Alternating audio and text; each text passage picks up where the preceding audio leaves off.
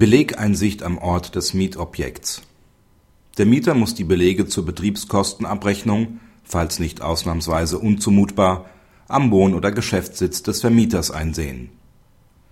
Der Mieter begehrt von der das Objekt nach Abschluss des Mietvertrags erwerbenden Vermieterin Einsicht in die Abrechnungsbelege am Ort der Wohnung. Die Vermieterin, deren Geschäftssitz etwa 400 Kilometer entfernt liegt, will diesen nur dort gewähren das Landgericht Freiburg ist jedoch der Ansicht, dass diese Entfernung nicht zumutbar ist. Wo die Belege vorzulegen sind, muss zwischen den Parteien vereinbart werden. Mietverträge sind insoweit auch auslegungsfähig, wenn sie keine Regelungen enthalten. Grundsätzlich ist davon auszugehen, dass die Belege am Sitz des Vermieters einzusehen sind. Davon ist jedoch abzuweichen, wenn sich dieser so weit von der Mietsache entfernt befindet, dass dem Mieter nicht zugemutet werden kann, sich dorthin zu begeben.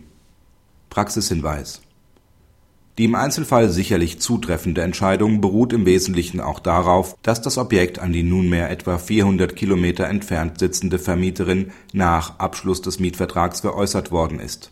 Der Mieter hat auch bei Anmietung nicht damit rechnen müssen, nur irgendwo in Deutschland die Betriebskostenbelege einsehen zu können